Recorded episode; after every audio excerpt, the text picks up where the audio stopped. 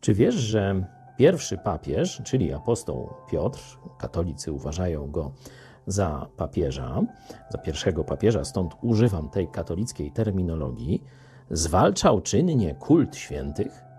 Pewnie ci się to w głowie nie mieści, no ale takie są fakty.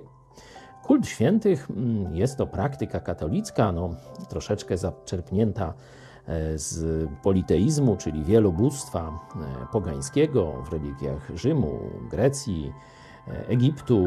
Od różnych tam rzeczy byli tacy pomniejsi bogowie, bożkowie, no i później niestety ta praktyka przeniosła się do Kościoła katolickiego, gdzie od każdej jakiejś rzeczy, na przykład od rzeczy zgubionych albo od rzemiosła jakiegoś tam, od handlarzy, od strażaków są odpowiedni ludzie, jacyś tam katolicy, zwykle duchowni, e, którzy są w niebie rzekomo i e, tam wstawiają się za ludźmi tej profesji, czy tych, którzy się do nich modlą, czyli ci ludzie się e, ze względu na swoje jakieś zasługi, pobożność w danej dziedzinie no, poszli do nieba, no i tam mogą, mają bliższy jakiś tam przystęp do Jezusa, tak wierzą katolicy, i mogą się za nami wstawiać. Czyli my modlimy się do tych pobożnych świętych, którzy swoimi zasługami tam znaleźli się blisko Boga, no i oni przekazują nasze prośby bliżej Bogu.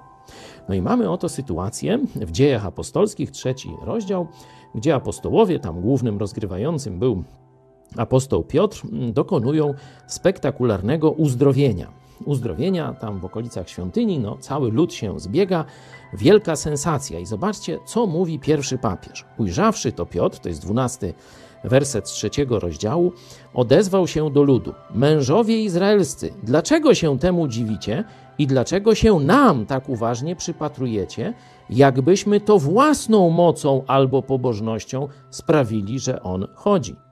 Zobaczcie, on walczy z tym zabobonem, że apostołowie są święci i mają jakiś lepszy przystęp do Boga i sami sprawiają cuda. Nie, to tylko Bóg.